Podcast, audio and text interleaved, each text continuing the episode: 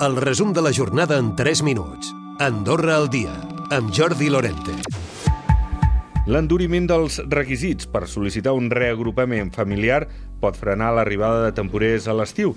És el que tema el col·lectiu d'argentins. En parlava el seu president aquí a Andorra, el president d'Argentinos en Andorra, Marcelo Ponce. Dentro del seu projecte, la família és el projecte pot ser principal, la tranquil·litat, la estabilitat econòmica, però sobretot la família. I això sí és possible que doni una, un fre des de la CEA estan a favor que s'estableixi un llindar econòmic, sobretot tenint en compte l'encariment de la vida.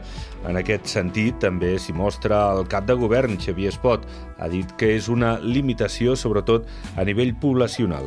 El nostre creixement poblacional no és il·limitat, perquè els nostres recursos són limitats, són finits. Tenim el problema que tenim amb l'habitatge, tenim el problema que tenim a nivell d'infraestructures, a nivell de connexió elèctrica, a nivell de recursos hídrics, i per tant també aquesta mesura va una mica en aquest sentit, que cada treballador que ve de fora al nostre país no pugui al cap de tres mesos reagrupar amb tanta facilitat els seus fills, els seus pares, la seva mare, el seu cònjuge, perquè és que no podem encabir tanta gent al nostre país. Espot ha participat, per cert, en la cluenda de la 34a trobada empresarial que han fet a la seu d'Urgell. Ha detallat les decisions que s'han pres en la darrera dècada per homologar el model fiscal que culminaran en l'acord d'associació amb la Unió Europea. Per cert, els experts afirmen que no només beneficiarà Andorra i els socis més propers a Espanya i França, sinó a tots els estats de la Unió Europea. I abans d'acabar l'any es trobarà una solució per a la ubicació de la futura residència universitària de Sant Julià de Lòria. Així ho ha assegurat a Ràdio Nacional Josep Majoral, el cònsul major, que veu una alternativa en la compra d'un edifici per cedir-lo en concessió. Hi ha disponibilitat d'edificis mm, a la venda perquè el comú es pugui acabar adquirint, no? Vull dir, I això és una possibilitat més, no vull dir que hagi de ser així, però vull dir, jo estic convençut i sóc optimista que, que abans de finals d'any podrem tenir la solució.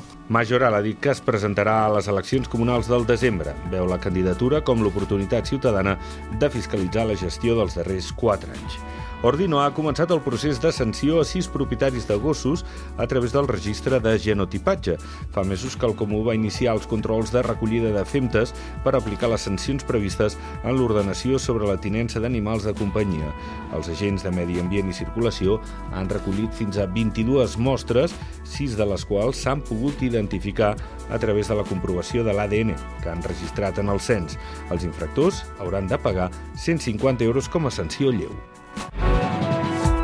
Recupera el resum de la jornada cada dia a AndorraDifusió.d i a les plataformes de podcast.